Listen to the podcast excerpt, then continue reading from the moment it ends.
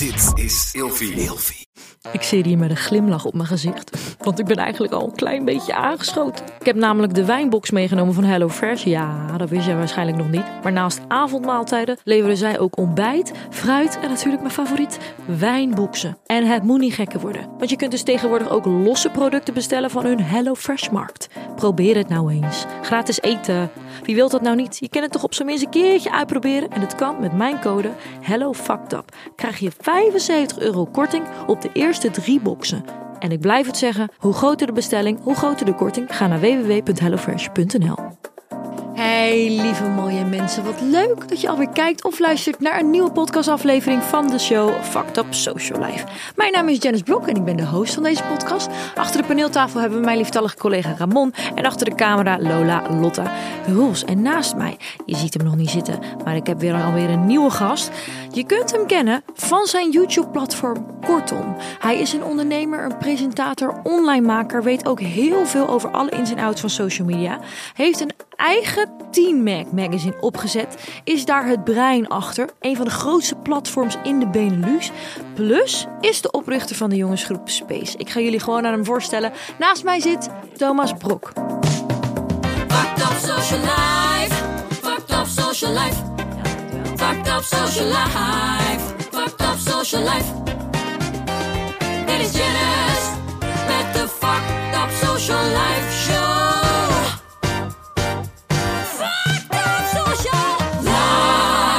Wel echt goed. Dankjewel. Ja, We starten deze jingle elke keer in en dan Ja. zit je meteen in de vibe. Gezellig hè? gezellig hè? Wat leuk dat je er bent. Leuk dat jij er bent. Ja, in Je mag er zijn. Je mag er zijn. Thomas Brok. Welkom in de show Fucked Up Social Life. Dankjewel. Eh, in mijn show Ja. probeer ik altijd een beetje de behind the scenes te achterhalen. Spannend. Iedereen op social media is eh, hè, groot, succesvol, interessant, bekend, beroemd, knap. En even dingen te verbergen. Ja, maar wat gebeurt er nou eigenlijk allemaal daarachter? Oeh, Spannend. We beginnen met de Fucked Up Social vragen. Vraag nummer 1. Ik vind wel echt mooi eh, hoe je die jingle en die intro hebt hoor. Dank je. We hebben ook Wil een podcast, maar dat is gewoon... We beginnen gewoon met hoi. Ja, nee, ik dacht wel... Heel orkest gewoon. ja, Ramon, de producer, die had Ja. gezegd van... eh, Meer! Ja, hij zei, Meer. wil je een podcast? Ik zeg, nou ja, dat wil ik wel. Maar dan wil Ja. ik er wel een hele show van maken. Hij Ja. zei, ja, wat wil je dan? Ik zeg, nou ja, ik wil sowieso glitters. En voor de mensen die, kijken. Ja, we hebben een glitterdoek. Ik, eh, een neonlamp. Ik wil de bloemen.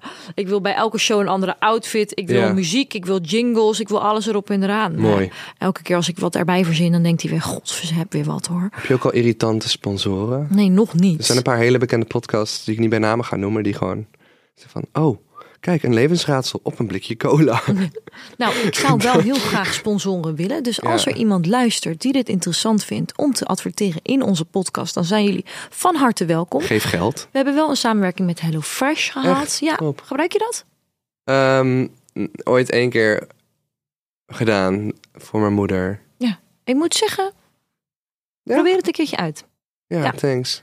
Dit is eh, niet Een gesponsord, aanrader. HelloFresh.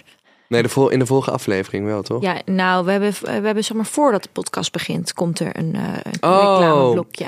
Nou jongens, koop Hello Fresh. Maar ik maak geen reclame voor producten, merken en brands waar ik niet achter sta. Dus Natuurlijk niet. ik ben er wel echt heel erg tevreden over. Je Ja. moet het proberen, hè? Maar dus, dus jij leeft niet met het motto alles is te koop? Nee, zeker niet. Nee? Nee, Nee? nee, dat dan ook weer niet. Hallo, we wijken helemaal af van het allereerste onderdeel. Je wilt er onderuit, hè? Je wilt er onderuit halen, ja? onderuit. We gaan gewoon beginnen. Heb jij wel eens iets gedeeld op social media waar je achteraf echt spijt van had? Oeh. ja, Wat dan? dat is wel grappig eigenlijk. Ik was ooit eh, naar eh, LA met Jessie Maya, K- Quinsling en Jeroen van Holland. En het soort van, Jessie is gewoon een beetje extra vagant, toch? In Ja. alles. Gewoon- Maya was ook bij ons in de podcast. Ja, eh, ik hou afleveringen van. Jessie Maya. Maar zij heeft me op een gegeven moment een soort van... Nou ja, niet overtuigd, maar wel aangemoedigd om een foto te plaatsen in mijn onderbroek. heb ik een foto geplaatst dat ik daar in mijn onderbroek stond en de zon was goed. En het was soort van, ik was soort van in shape, maar het was gewoon echt... achteraf dat ik echt denk van, weird. Het was gewoon net te geposeerd. Het was niet quirky of zo. Maar ze zei, bluff, bluff, doe het gewoon. Ja, het paste echt niet bij me gewoon. Maar ja, een onderbroek valt wel mee, toch? Ja, maar het was gewoon echt een onderbroek. En je- like, ik weet niet of je iets kon zien zitten. Ja, wel. Onderbroek of een boxer? Nee, echt een boxer. Oh ja. Maar gewoon zo'n Calvin Klein boxer. Heb je het eraf van? Ja, ik hoop ook echt niet dat dit nog naar boven komt gewoon. Dit is echt... eh, Nou, je doet wel echt alsof eh, het een hele heftige... Nou, ik ben heel erg benieuwd hoe het eruit Ik zag. heb hem bijna uit mijn archief gehaald gewoon. Zelfs. dat ik het gewoon zelf het. niet meer aan kon zien. Ik ben zo'n trauma. Oh, wat jammer dat ik die nou net heb gemist. Je kon zien dat ik gesport had, maar het was gewoon allemaal net niet overtuigend genoeg. Die Jessie, die krijgen ze allemaal toch zo ver, hè? Nee, je kon eigenlijk gewoon mijn dik zien zitten. Oh, oké. Ja, dus ik dacht wel van, dat is, ja. Misschien moet ik het er dan toch maar afhalen. Ik ben gewoon die je. comedy YouTuber. Wat doet men dik op Instagram? Nou, Snap je? Ben je er niet viral mee gegaan? Net niet. Net Het niet. had wel veel likes, maar ik denk meer omdat mensen dachten, wat de fuck is dit? What the fuck doet hij? Wat de fuck doet hij? We gaan door met vraag 2. Is er wel eens iets privé van jou online gekomen waar je waar je, je voor schaamt? Dus echt iets uit je privéleven. Ehm, er is wel een keer een stukje, denk ik, online gekomen waarvan mensen denken dat, dat ik me schaam. En dat is een paar jaar geleden geweest van schooltour. Er staat een filmpje op YouTube met tientallen duizenden views dat heet. Kortom wordt boos. Maar er zijn mensen dus allemaal appels en zo op mij aan het gooien. Jij wordt wel vaak bekogeld met dingen. Ja, dat is wel echt eh, niet, niet leuk meer. En even kort voor de mensen die het niet kennen. Je hebt Ja. een eigen YouTube-kanaal. Ja, eh, kortom. Ja. En daarin heb je een concept ontwikkeld. Schooltour, waarbij je langs scholen gaat. ja. En dus de kinderen daar gaat interviewen. ja op, op de straat in de buurt van de school. Ja. Ja. Hoe, pik je je scholen uit? Eh, mensen reageren in de comments naar welke school ik moet komen. We houden bij hoe vaak een school wordt genoemd. Ben je ook wel eens weggestuurd? Dat je daar niet mocht filmen? Ja, maar ik- ja, ja zeker. Ja, het lijkt me echt lastig. Ook wel eens dat de politie gebeld werd en dat de politie zei van ja, je mag hier gewoon filmen, dus ik kan je niet wegsturen. Echt waar. Ja, Wie had dan gebeld? De school zelf? de directeur. Oh, echt waar? Dan mocht je gewoon blijven staan. Doei, ja. Ja, dus het is wel geestig. En waar, werd je boos, waar was je boos om geworden dan? Ik. Ja, omdat je zegt... Oh, mensen bleven met dingen gooien. Ze zeggen, jongens, nu stoppen met dingen gooien of gaan naar een andere school. Want Oh, ja. mensen nodigen je uit om naar die school te komen. Beginnen vervolgens met dingen te gooien. En dan denk je, wat doe ik hier eigenlijk als je me uitnodigt en dan dingen om me gaat gooien. Ja. Dus werd ik boos. En toen zeg ik, jongens, stop met fucking dingen gooien of ik ga godverdomme naar een andere school. Ik was echt boos. Ik had net een appel gekopt of zo. Dus ik zeg, ja, dat zei ik. En toen dachten mensen, oh, nu gaan we hem exposen. Maar ja, dat is niet echt exposen. Ik bedoel, iedereen heeft het goed recht om boos te worden als iemand iets tegen je hoofd aan gooit. Maar ze gooiden dingen naar jou omdat ze wilden dat je wegging. Nee, Wat was de reden dat ze dingen op je gingen Nou, gooien? dit hele ding met schooltour en wat er ook is gebeurd in Utrecht. Maar die stenen is natuurlijk gewoon... Toen schooltour begon, was het een spontaan concept. Maar op enig punt kreeg elke aflevering van schooltour gewoon 400.000 views in 2019. Dus voor corona. Ja. Toen kwam corona. Toen denk ik dat ik tijdens corona meer dan 100 miljoen views nog heb gekregen op die TikToks van schooltour. Toen ging ik weer verder na corona. En toen zag je dat mensen gewoon echt steeds meer schooltoertje aan het spelen was. Ik heb ooit een college gehad van, de, eh, van iemand die Big Brother heeft geproduceerd in Amerika het eerste seizoen. Het eerste seizoen van Big Brother was leuk. Bij seizoen 2 waren mensen al Big Brothertje aan het spelen. Zo, mensen zijn zich bewust van de camera's, Oh, mensen kennen de ja. serie. Eh, iedereen op de middelbare school kent schooltour, zowat. En dan gaan ze proberen sensatie te schoppen, omdat ze dan denken van, hé, hey, dan krijgen wij een leukere video. Ja. Terwijl het tegendeel is waar. Ja. Het is te geforceerd. Mensen willen graag viral gaan. Het wordt er niet grappiger op. Er ontstaan onveilige situaties voor hunzelf en mijn teampje dan dat ik meeneem op zo'n dag en ikzelf. Dus eigenlijk, eigenlijk het succes van schooltour heeft het gewoon genekt. In die zin. Het zal nooit meer zo zijn als die eerste 25 afleveringen. Weet je, waar dat meisje in zat van... hou je bek, waarom praat je tegen mij? Ik ken jou toch ook niet? Of, of eh, Kian met altijd herres. Of eh, mijn oma zegt dat de palmbomen groeien. En al die soort van memes die denk ik gewoon nog tien jaar meegaan... in de Nederlandse meme-wereld. Nou, Ik denk dat mensen over 50 jaar nog weten wat altijd herres is, zeg maar. Dat is zo groot geweest. ja. Maar dat is allemaal ontstaan uit spontaniteit. En als mensen een schooltoertje gaan spelen... zoals ik het nu dan noem... Maar hoe merk je dat dan? Dat ze dat doen? Ja, mensen proberen sensationeel te doen. Dus ze proberen grappige dingen te roepen in de microfoon. Ze proberen met dingen te gooien. Eh, dat gebeurde niet. In Aan de het begin. keer. Dat Ja, gebeurde niet. Ja, maar nu laat je me natuurlijk geen keus. Bij, bij dat incident bij Utrecht werd je niet alleen bekogeld met appels, maar grotere dingen. Stenen, Stenen, Parfumflesjes van glas, van uiteraard. glas. En en wat was daar dan de reden dat ze dit naar je toe gooiden? Is dat dan om dat schooltoertje te spelen sensaties te trappen? Of omdat ze wilden dat je wegging? We hebben er elf minuten gefilmd. Kijk, tuurlijk, het is niet leuk voor die school dat jij langskomt. Maar als al die kinderen zich gedragen, wat in het verleden ook zo was, dan maak je samen met de jongeren die dus vragen dat jij naar die school toe komt, kun je een heel leuk komisch item maken. En wij doen dat enkel en alleen met de mensen die in beeld willen. Dat is belangrijk. Dus die mensen die komen de straat op, zoeken bewust toenadering tot de camera. En die weten waar de beelden komen en wij lichten dat toe. En die interviewen we dan. Kijk, dan is het leuk. Dan is het komisch, dan is het luchtig, dan is het spontaan. En dan is er niks aan de hand. En die kinderen gaan aan het eind van de pauze eh, weer naar binnen. Of, of, ja, of, dat, of, of dat ze nou pauze hebben of spijbelen, dat zien wij niet. In ieder geval, ze zijn er en na een half uurtje zijn we weg. En wij hebben leuke beelden. Nou, je legt ook uit, dit komt op YouTube, je gezicht Ja, komt herkend check. in beeld. Ja. Maar ze ondertekenen zelf niks. Nee, nee, nee. Dus dat is een beetje lastig. Eh, mensen vanaf 16 jaar mogen toestemming geven. Eh, alleen is het voor ons ook moeilijk om te zien wie er 16 is en wie jonger. Je vraagt niet hun ID. Nee, want ik kan niet... Ja, wie ben ik om iemand te ID'en? Als ze, als ze zich aanbieden om in jouw video te komen, Ja, dus in beeld waarin Ja. jij een interview met hun afneemt, ja. zou je dan niet hun ID kunnen vragen? Ik weet niet of dat het mijn plek is om iemands ID te vragen. Ik ja, denk maar wel meer dat- als ze zich aanbieden. Dus als iemand zegt, ik wil, ik wil, en die springt Ja. in beeld, dat je dan zegt, je mag in beeld, maar... Ik wil je ID zien. ik weet oud niet, ben je het dan? legaal als ik iemand... Ja, ik vraag wel hoe oud ben je? Ja, En dan zeggen mensen, ja, 16. Maar ik denk dat er ook wel eens om gelogen wordt. ja. En soms zeggen mensen ook wel eens, ja, ik ben 14, maar ik mag sowieso van mijn ouders. Dan zeg ik, ja, maar dan moet je wel naar je ouders gaan. En als het toch niet mag, wil ik vanavond wel een mailtje van je ouders hebben dat het toch niet mag. Ja, kijk, ik heb die filmpjes ook gezien. Ja. Is chaos natuurlijk. Die kinderen die schreeuwen, Overal schelden, kinderen, ja. eh, springen over Ja, elkaar heen. Iedereen wil in waar, beeld. Eh, Wij proberen wel heel erg secuur om te gaan met alle mails die binnenkomen. Dus als mensen er toch van tevoren uit willen of daarna eruit willen, dan zijn wij daar ook altijd. We Ja. zijn er altijd open voor en dan houden we die mensen weg. ja, Of blurren we ze. maar oké, ga verder met je verhaal. Je was er elf minuten aan het filmen. Nou ja, wat het dus is, je hebt daar elf minuten gefilmd en eh, er, wordt, er worden nu bepaalde dingen gezegd die niet waar zijn. Er wordt bijvoorbeeld gezegd van ja, ehm, je, eh, de jongeren vroegen jou te stoppen met filmen, maar je filmde door. Nee, de jongeren gingen de school uit, gingen het terrein af en staken de straat over om op beeld te komen en achtervolgden ons ook nog eens vijf straten. Toen Dus dat- jullie weggingen ook. Ja, dus dat is ook zeg maar iets wat er dan gezegd wordt wat niet waar is. En dan is er ook nog zoiets als ongepaste vragen. Nou, ik heb de videobeelden teruggekeken. Weet je wat we vroegen? We vroegen aan jongens van de jaar of 15, 16 wat een tampon en maandverband was. Oké. Omdat wij die ochtend zeiden, oh, laten we een keer iets maatschappelijks doen, jongens. Laten we kijken of dat jongens begrip hebben voor mij de problemen. En dat waren dan ongepaste vragen. En ik snap het, kijk, in, in deze zin ben ik slachtoffer, hè, want wij zijn bekogeld met stenen. Maar de school is ook slachtoffer, want die komt natuurlijk super negatief in het nieuws. Allemaal door het gedrag van deze kinderen. En dat valt gewoon niet goed te praten. Ik Ja. heb geen ongepaste vragen gesteld. Hebben jullie ook schade opgelopen? Of is er iets tegen je aangekomen? Nee, het is allemaal net goed gegaan. Alleen de cameraman heeft een paar rake klappen gehad. Nee, oké. Ja. Maar wat het, het, het gekke is natuurlijk, is van ja, er worden dingen geroept die, die een beetje voelen als goedpraterij. Ja, Rondom mensen die met stenen gooien. ja.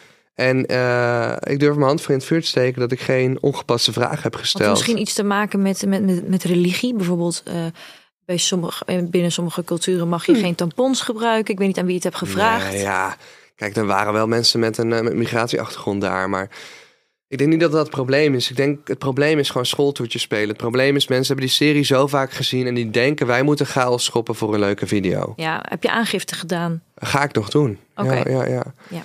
Dus ehm, ja, het is belachelijk. Wij staan daar nog eh, geen vijf minuten. Nou, we hebben er uiteindelijk elf minuten gefilmd.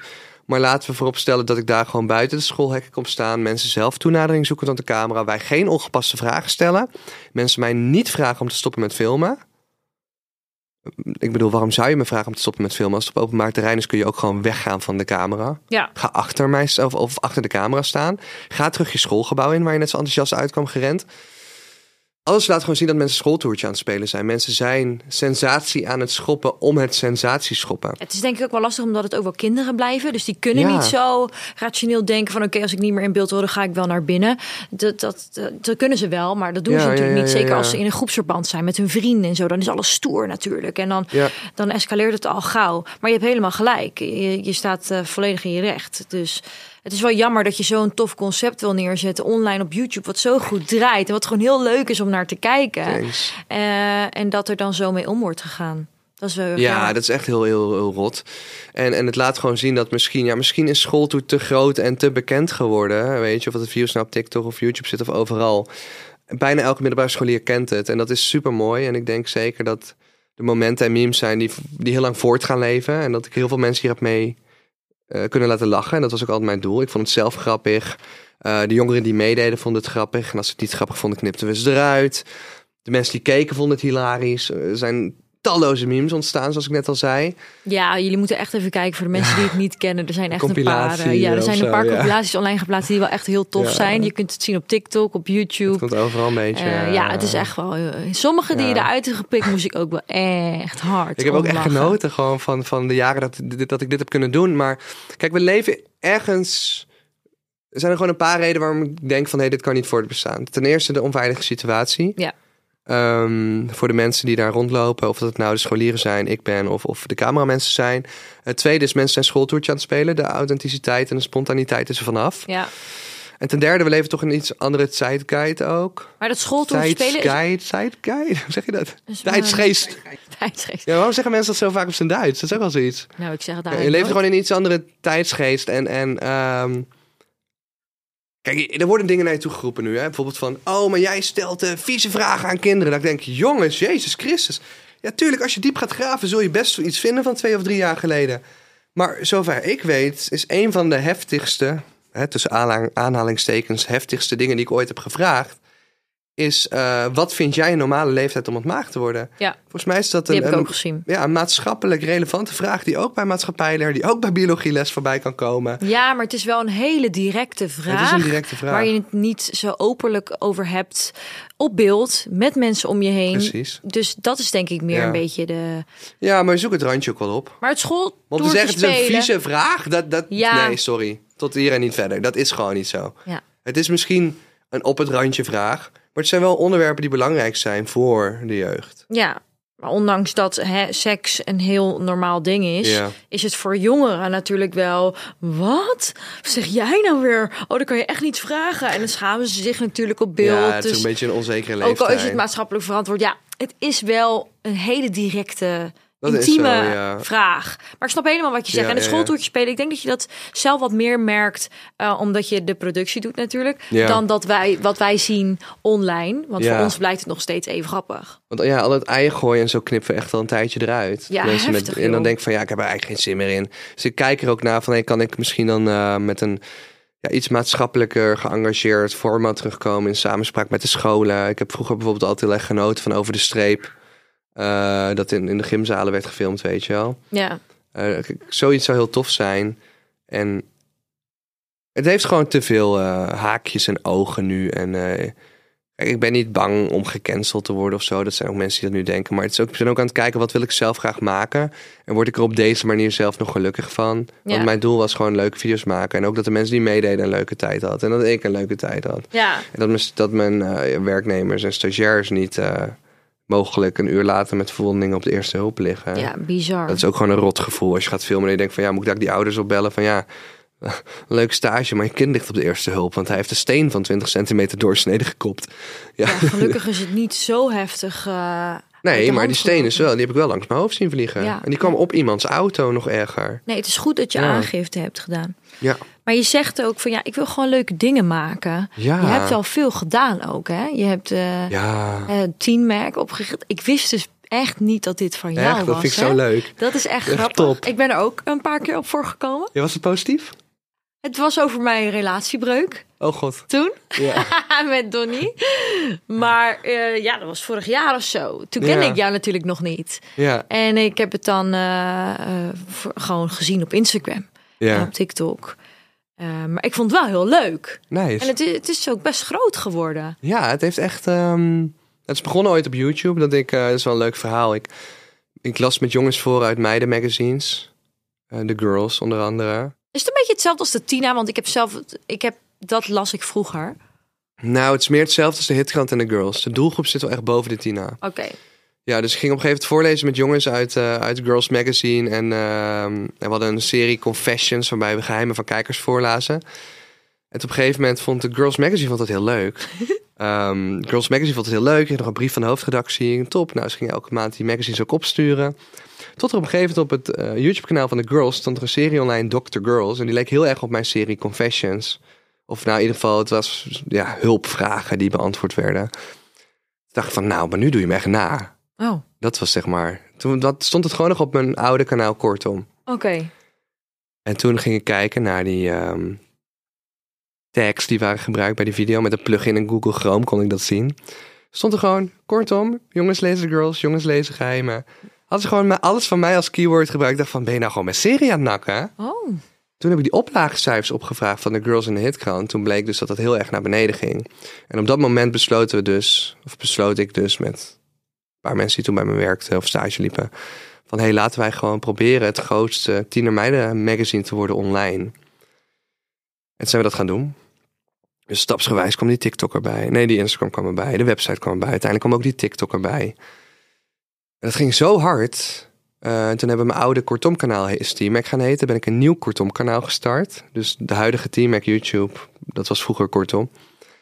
En nu zitten we dus op 20 of 25 miljoen views per maand op de TikTok en Instagram nieuwtjes. ja, ja, de cijfers zijn echt groot. Echt insane. En YouTube is iets minder geworden, maar dat is ook gewoon een beetje hoe, hoe de jeugd nu media gebruikt. Ze zit al meer op TikTok. Ehm, Maar ik vind het zo knap, want ik heb bijvoorbeeld, ik ben best wel laat ingestroomd op TikTok. Ja. En ik ben, eh, ik word dit jaar alweer 31 en sommige content en nieuwtjes en alles eh, begrijp ik niet helemaal. Jij, jij bent natuurlijk ook al wat ouder. Ja. Hoe heb je dan ook mensen binnen je team die gewoon eh, zich echt verdiepen in wat, wat de tieners ja. op dit moment allemaal willen weten en willen zien? Eh, nou ja, het komt vaak wel. In ieder geval, de strategie erachter komt wel van, vanuit mij. Maar die eh, meiden die de redactie doen, dat zijn vaak mensen ook die, die eh, HBO Media doen of, of eh, MBO Media eh, opleidingen doen. Die zijn wat jonger en die zitten nog vaak midden erin. Ja, en die weten dat, die zijn Dus ook komen wel hoogte. eh, met handige dingen en die schrijven al die artikelen over fashion en trends en make-up looks. En eh, ik kijk af en toe mee en dan maken we een soort hitlist van welke. We hebben op kantoor een hitlist hangen van welke artiesten, TikTokkers, YouTubers relevant zijn voor de Team Mac doelgroep. En dat passen we echt één keer een paar maanden aan. En dan staan er echt namen tussen waarvan ik af en toe denk van, yo, wie, is dit? dit? En ik probeer op de hoogte te blijven. En ik, ja, ik denk, voor mijn leeftijd ben ik super op de hoogte. Hoe oud ben jij? 28. Ja, dus voor mijn leeftijd ben ik super op de hoogte. Maar ehm, ja, je kunt natuurlijk niet, niet altijd blijven zoals iemand van eh 17 is of 18 is die Nee. stage komt lopen. Dus een, een stagiair is voor ons soms echt ontzettend veel waard. Ja. Ehm, behalve dat we natuurlijk proberen zo'n leuk mogelijk stageplek aan te bieden. Zijn het gewoon mensen die nog jong zijn. Die zitten nog midden in dat hele gossipy gedoe. Ja. En dat is natuurlijk fantastisch. Want ja, gewoon, je kunt het beter iemand van de doelgroep laten maken dan iemand van bijvoorbeeld 25 of zo. Met hoeveel zijn jullie nu binnen jouw team? Want je hebt de Mm. eigen, ik ben bij jou op kantoor geweest. Voor corona hadden wij twee mensen parttime, twee mensen fulltime en dan nog zes stagiairs, ongeveer vijf stagiairs denk ik. En ik dan. En dan nog freelance eh, designer, die er was dan een dagje in de week. En nu na corona is het echt wel even anders. eh, nu is het echt even nog. ehm, ja, we zitten een beetje in de bouwmodus weer om alles op te bouwen. Het was een heftige tijd, veel mensen moeten ontslaan. Eigenlijk iedereen die vast zat. En nu langzamerhand weer mensen aan Die vast het, in eh, dienst waren. Ja, ja, ja, ja, ja. En die vast zat, ik denk, wat? Oh, die in vast zat. Gilla? Die mensen zaten vast in Jilla. Ik heb de bil betaald, je weet zelf. Hoeveel mensen moet je ontslaan? Ja, dat Iedereen. is... Nee joh. Ik heb eh, twee mensen die vast waren. Nou, eentje ging zelf net op tijd weg, gelukkig. Eh Eén één iemand zat eh, fulltime ontslagen. Twee mensen parttime ontslagen. Ja. Zo. Oké, ten eerste fucking vet dat je gewoon allemaal mensen vast in dienst had. Ja, Dat is echt heel cool. was leuk. dat is echt even, dat is heel tof. ja. Ehm, maar eh, wat heftig dat je ze gewoon allemaal dan eruit hebt moeten gooien. ja, het was echt een heftige tijd ook. Omdat je... In tijden van crisis besef je ook wat je aan mensen hebt. Ja. En eh, ja, er waren wel eh, mensen die, die alles voor je deden. En een uurtje langer op kantoor bleven. En met jou die struggle van COVID deelden. Want laten we even heel kort samenvatten. eh, de grote adverteerders bleven gewoon uit. Nou, dat kan op jaarbasis zo'n ton schelen of zo. Ja. Nou, dat voel je wel als bedrijf. Maar draaide Team Mac ondertussen online wel door? Want wij hebben daar niks van gemerkt. Nee, het draaide wel door. Dus het draaide wel gewoon Ja. door. Dus er blijft gewoon gewerkt worden. Er blijven leuke columns Ja. online komen en nieuwtjes. En alles is vrolijk en grappig en leuk. ja, Maar ondertussen, binnen jouw organisatie, gebeurt er echt van alles. echt stress. Ik Dat is dus ook met de schooltour. Wij, wij zien een, een leuk, leuk, eindproject op YouTube. En uiteindelijk achter de schermen word je fucking nog net niet neergestoken. Letterlijk. Ik zei ook van ja, moet ik nou goed vinden dat deze kinderen met stenen gooien en geen aangifte doen? Ja, en moet je het nou goed vinden dat je binnen, binnen je organisatie blaast wordt... en dat iemand met je laatste cent- centen er vandoor wil gaan? Wat Ja, gebeurt er allemaal bij gebeurt? jou, Ja, kijk, het, is, het is wel legaal, maar ik vind dat niet empathisch. Ik vind dat niet menselijk. Nee, maar ja, dat Ja. gebeurt binnen zoveel organisaties. Daar zul je je echt over verbazen ook, joh. Sommige mensen zijn echt gewoon ik, ik, ik en de rest kan stikken. Ja, ja, maar echt is echt. Jij als, als, als eigenaar zal de meeste grootste liefde hebben voor de, voor de zaak. Ja. en Niemand anders. Dat is zo. Maar ja, je hebt er weer van geleerd. Je bent weer op je hoede. Ik heb heel veel geleerd Maar je, in een hele je, korte je tijd. wordt van alle kanten belazerd. Want ik hoorde je ook al zeggen dat... valt ook wel weer nou mee. ja, de jongensgroep eh, Space heb jij opgericht. En daarin zei je ook van... Nou, dat is ook niet helemaal gelopen zoals ik wil. En weer, Ja. wederom... eh, deze groep online leek weer zo goed en succesvol. Was het ook wel? Maar waarom is het gestopt? Het is gestopt omdat ehm, er was op een gegeven moment een hele grote eh, piek van succes na de talentenjacht. Maar ik zat zelf in de eerste lichting. Ja, dat is ook een joke achteraf. Nou, niet, niet een joke, maar het is gewoon grappig om terug te denken. Ik zat zelf ooit in een boyband. Echt? In de space nee, ja, in andere? Space zat ik, ja. Oh, ja. dat wist ik niet. Zo is het begonnen. hè? Ja, nou nee, laten we verder teruggaan. Het begon ooit met Verknipt. En eh, Verknipt was een eh, concept met Bradley Bravaert, Jeroen van Holland en Gerenzo Slingerland. Oké. 2016 of zo. Daar heb ik toen heel veel tijd in gestoken. En dat ging met ruzie uit elkaar. En het was er nooit goed vastgelegd wat van wie was. Dus dat kanaal is toen zo blijven bestaan en gestopt. Maar dat staat nog steeds online. Toen heb- ben ik Space gestart. En daar zat jij eerst zelf in. Ken jij ja, daar heb ik Leven? Jansen. Nee, we zongen niet. We maakten video's. Ja. Maar er wordt helemaal niet in Maar gezongen. ik heb gezongen op, op eh, laatst ergens, waar jij ook was. ik heb hem bijna versproken. Ik kan gewoon een beetje zingen. Maar we zongen niet. Eh, maar toen heb ik Levi Jansen gevonden met nog duizend, pas duizend volgers. In- Inmiddels ook een best wel grote influencer. Mats van de Graaf gevonden. Ook een kleine YouTube was dat toen. Danny Doorland gevonden. Die heb ik allemaal in die groep gezet. Heb ik gezegd, zolang wij die groep doen, verdelen we alles. Maar als we ooit uit elkaar gaan, is het mijn concept. En mag ik een nieuwe groep erop zetten. Oké. En eh, dat hebben we toen een jaartje gedaan. Toen hebben we een talentjacht gedaan. Toen zijn we Space 2.0 begonnen. Er zaten Sam van Dijk, Sam Collet, Tim van Drie, Melle Schram en Galit in. Dus onder andere Sam ook de zoon van Wendy. Dat zorgde ook wel voor een... eh, Boost. Nou, eigenlijk viel dat heel erg tegen. Want toen, toen dat op shownieuws kwam, kregen we misschien maar 100 views erbij dat uur. Oh, Dus in de doelgroep ehm, was het eigenlijk niet... Dat, dat is eigenlijk eh, niet heel erg van belang. maar weet iedereen ook wie haar zoon is? Nee, Nee, daarom. Nee, maar het is gewoon een leuke gast en hij had echt zijn plekje verdiend. Hij heeft gewoon audities gedaan zoals iedereen. En dat was een hele succesvolle, leuke groep.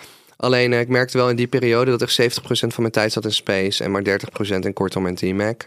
Terwijl aan Space, eh, het was gewoon... Als ik op dat punt had geweten dat ik nu weet dat we veel geld kunnen verdienen... Maar op dat punt waren we ook gewoon alles een beetje aan het uitvogelen. Ja. Het was gigantisch populair, maar ik moest ook mensen betalen, aannemen, kantoor huren. Het was gewoon geen vetpot.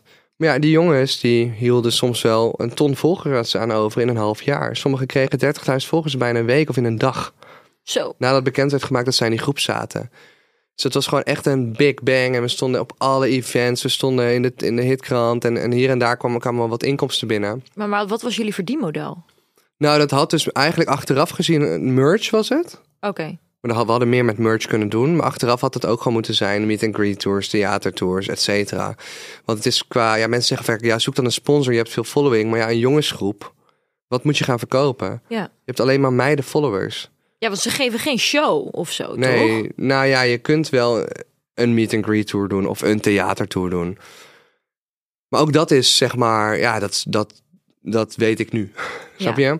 Op dat moment ben je zo druk bezig met die YouTube-content en die TikTok-content. En het feit dat het zo booming is en dat elke video twee ton heeft op YouTube. En uiteindelijk hebben we een paar halve wissels gedaan, omdat een paar jongens eruit wilden. Ik weet niet precies wat de reden was, maar het had iets te maken met puberteit. En eh, jongensvrienden die zeiden, hey, maar Space is echt gay, weet je wel. Ja. En eh, bij die halve wissels werd de groep wat minder populair. En uiteindelijk hadden we wel eh, met, met een andere groep later, dus die bestond nog voor een fractie uit die 2.0 groep, maar we noemden het uiteindelijk volgens mij 2.2 of 3.1. Het was zo vaak half gewisseld, het werd een beetje wazig. Toen heb ik ook gewoon de wijze les geleerd van dat werkt helemaal niet. Als je zo'n groep populair wil maken, doe je gewoon die talentenjacht zoals we hadden gedaan. Ja. Dan is het een big bang, super populair. Maar bij die halve wissels is het telkens een teleurstelling. Dus op een gegeven moment heb ik gewoon tegen de jongens gezegd van weet je, als nu iemand wil stoppen, dan stoppen jullie allemaal. Ja. En dan ga ik een nieuwe groep casten. Toen hebben wij dus nog eh, een kalender gemaakt. Ik heb een boek, ik heb een boek zelf uitgebracht zonder uitgeverij. Eh, over hun hebben we een boek gemaakt. We hebben een kalender gemaakt. We hebben merchandise gedaan. En uiteindelijk hadden we een hele leuke theatershow opgezet. En die zouden allemaal kleine zaaltjes gaan brengen. Honderden tickets ook voor verkocht. En toen kwam COVID. En toen moesten alle tickets terugboeken. En toen heeft het ook een hoop geld gekost. Zo, en hoeveel waren er verkocht?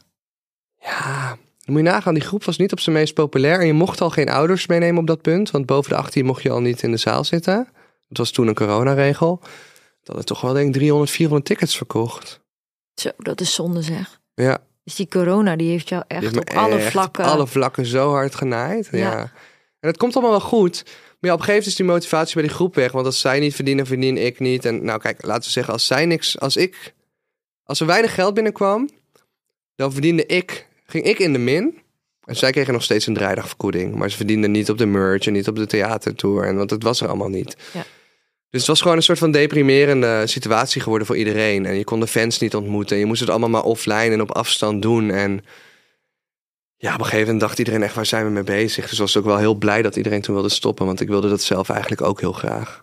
Ik wilde ook gewoon graag op mijn eigen carrière focussen. Op mijn eigen televisiedingen, op kortom. Op... Ik kon steeds vaker ook bij Zep of zoiets presenteren. Ik had zoiets van, er zit zoveel in, ook in mezelf, wat ik eruit wil halen. Wat ik gewoon nu telkens links laat liggen, weet je wel. Omdat ik gewoon dan ergens... Dan was ik op een Zep draaidag, mocht ik live tv doen. Presenteren met Klaas. En dan was ik in mijn hoofd de hele dag aan het stressen over space. Ja. En dacht ik van, maar wat heb ik hier aan? Ik dacht van, ik verdien er niks mee. Het is goed voor mijn karma-punt, want ik heb met Space ondertussen echt wel meer dan 15 jongeren echt bekend gemaakt, waarvan sommigen echt nog een carrière hebben. Neem 70% van je tijd in beslag. Neem 70% van mijn tijd in beslag. Eh, het is heel stressvol om met puberende jongens te werken, want ze zijn toch nooit tevreden. Je kunt het nooit goed doen. En soms vond ik zelfs dat het ondankbaar was hoe er tegen mij gepraat werd. Eh, als je in acht neemt dat sommige van die jongens die in space gingen, gewoon binnen een week tijd 50.000 volgers erbij hadden. Aan organisch bereik, aan echte volgers. Echte fans. Met wie ze nu nog geld kunnen verdienen en campagnes kunnen doen en, en dingen kunnen doen. Dat ik denk van ja jongens, dat kun je niet eens uitdrukken in geld. Ja. 50.000 volgers gainen in een week tijd aan, aan echte dedicated fans. Je, je weet zelf hoe moeilijk het is om een following op te bouwen. Ik denk dat het ook wel leeftijd... eh, Ja, en dat is het. Ik, ergens neem ik het ze niet kwalijk, want ze waren puberende jongens van 16, 17. Plus ik denk omdat ze op dat moment natuurlijk nog geen geld maken met die aantal volgers. Dat Je is het, het, is, ja. het is gewoon een cijfertje wat, wat je ziet. Ja. En ze gaan zichzelf heel erg cool voelen daardoor. Ja, Dus ze krijgen ook een, groter ego. lopen. Ja. Ja. En dan heb ik het niet over iedereen. En niet al die jongens waren zo, maar een deel wel. En een deel is ook, eh, er zijn ook een paar eh, schatten tussen geweest die me echt al honderd keer hebben bedankt. En dat is soms veel meer waard dan, dan geld hebben verdiend aan zo'n concept. Ja. Iemand gewoon zegt, oh ik ben je echt dankbaar voor dit opstapje. ja. Laatst zei iemand gewoon nog, Alessio zei eh, nog met zijn moeder, ik was bij hem en hij gaat heel lekker. Hij heeft nu net een track met Busy uitgebracht. Alessio ging met, wat zal het zijn? Ik denk ja, 25, 30.000 volgers in, in Space of minder. En die ging gewoon uit met, met 130.000 volgers. Zo. En die zei laatst gewoon, ja echt super fijn dat ik dat opstapje heb gekregen. En dat, gewoon dat kan zoveel waard zijn, dat iemand gewoon zegt dankjewel. Snap ik bedoel? Ja. En, en, maar op een gegeven moment is het gewoon van, ja, wat zit erin voor mij? Ja. Hè, weet je? Dus ik sluit niet uit dat ik Space erop start. Maar dan zou ik wel echt misschien met een investeerder willen werken. Zodat ik gewoon een goed team erop kan zetten. Ehm, maar eh, nee, ja, ik zet mezelf nu echt wel even eerste plek. Ik wil nog zoveel mooie dingen maken en, en doen. En ehm, mijn carrière gaat gewoon top. Er komen alleen maar leuke dingen op mijn pad. Ja, je, podcast gaat goed. De vlog is terug. je bent zo ondernemend. Je doet veel verschillende dingen. Te veel misschien. En eh, nou ja, je moet gewoon doen wat je vooral leuk vindt. En ehm, dat is het. je hebt wel nu een best wel pittige tijd achter de rug. Maar waarschijnlijk Ja. heb je daar ook wel weer hele wijze lessen uit Zo, kunnen de halen. knetter. Jeetje. Zo, de knetter. Nee, ja, echt veel, echt wel goed depressief en burn-out geweest. Maar Ja, ik, eh, toen ik jou tegenkwam in de alleskunde was een soort van mijn breekpunt. Nee, nee, mijn, mijn jawel. Breekpunt Breakpunt naar het in- positieve toe. Oh, dat, dat je uit Ja, de burn-out kwam. Ja, want dat was echt van, oké, nieuwe omgeving, nieuwe mensen, tien dagen weg. Oh, even vakantie. Voelde een beetje als van, vakantie. eh, het voelde als therapie. Nou, ik vond jou inderdaad heel erg gezellig en gewoon leuk en druk en aanwezig. Ik had niet Heel gedacht blij. dat je uit een burn-out eh, was gekomen. Nee, ik ben helemaal opgeleefd daar. Maar ja, het is eigenlijk als je zo nu alles zo opnoemt, hè. Het blijft voor mij nog steeds heel bijzonder dat hè, binnen mijn Fact Up Social Life show probeer ik te achterhalen wat er achter de schermen gebeurt. En dit is bij jou zo een goed voorbeeld. Alles draait online door. Alles is eigenlijk groot, succesvol, leuk, goed, grappig Ja. en, en tof om naar te kijken. Maar daarachter gebeurt zoveel. Ja. En je hebt, dat je zelfs in, zelf in een burn-out bent geraakt daardoor. En niemand heeft dat gewoon geweten en Nee, gemerkt. ik heb gewoon een half jaar lang... Kijk, het is nooit officieel vastgesteld, maar... Je voelde je gewoon echt kut. Ja, ik heb gewoon een heel jaar lang pas om één uur begonnen met eh, naar kantoor gaan. Want dingen moesten wel doorgaan. Ja, Maar dan sliep ik gewoon heel veel. Of, of was ik gewoon moe. Ik had nergens zin in. ja. En uh, maar het is ook niet erg om af en toe dat soort dipjes periodes te te hebben. hebben. ja. En ik ben blij dat je er nu uit bent gekomen. Goed hè? Ja. Maar jij hebt trouwens toch ook een eigen podcast? Klopt, ja. Brocco. Samen met eh, Lotte, een vriendin van mij. Brocco, wat leuk. Brocco, ja. Waar hebben jullie het dan over? Over dingen die we meemaken. Maar ook, Lotte is ook gewoon een van die vriendinnen waar ik gewoon oneindig mee kon kletsen aan de telefoon. En waarmee ik gewoon een hele goede humoristische klik heb of zo. Wij lachen ons echt dood op van alles en nog wat. En we maken Ja. echt rare dingen mee. Dus we dachten op een gegeven moment, ja, waarom doen we dit nog aan de telefoon? Zoals wat dan? Nou, in een van de laatste podcasts eh, hebben we het dus over een verhaal uit mijn jeugd. Ehm, dat gaat over dat mijn moeder, ja, het is echt heel tragisch, die had per ongeluk ons konijn vermoord.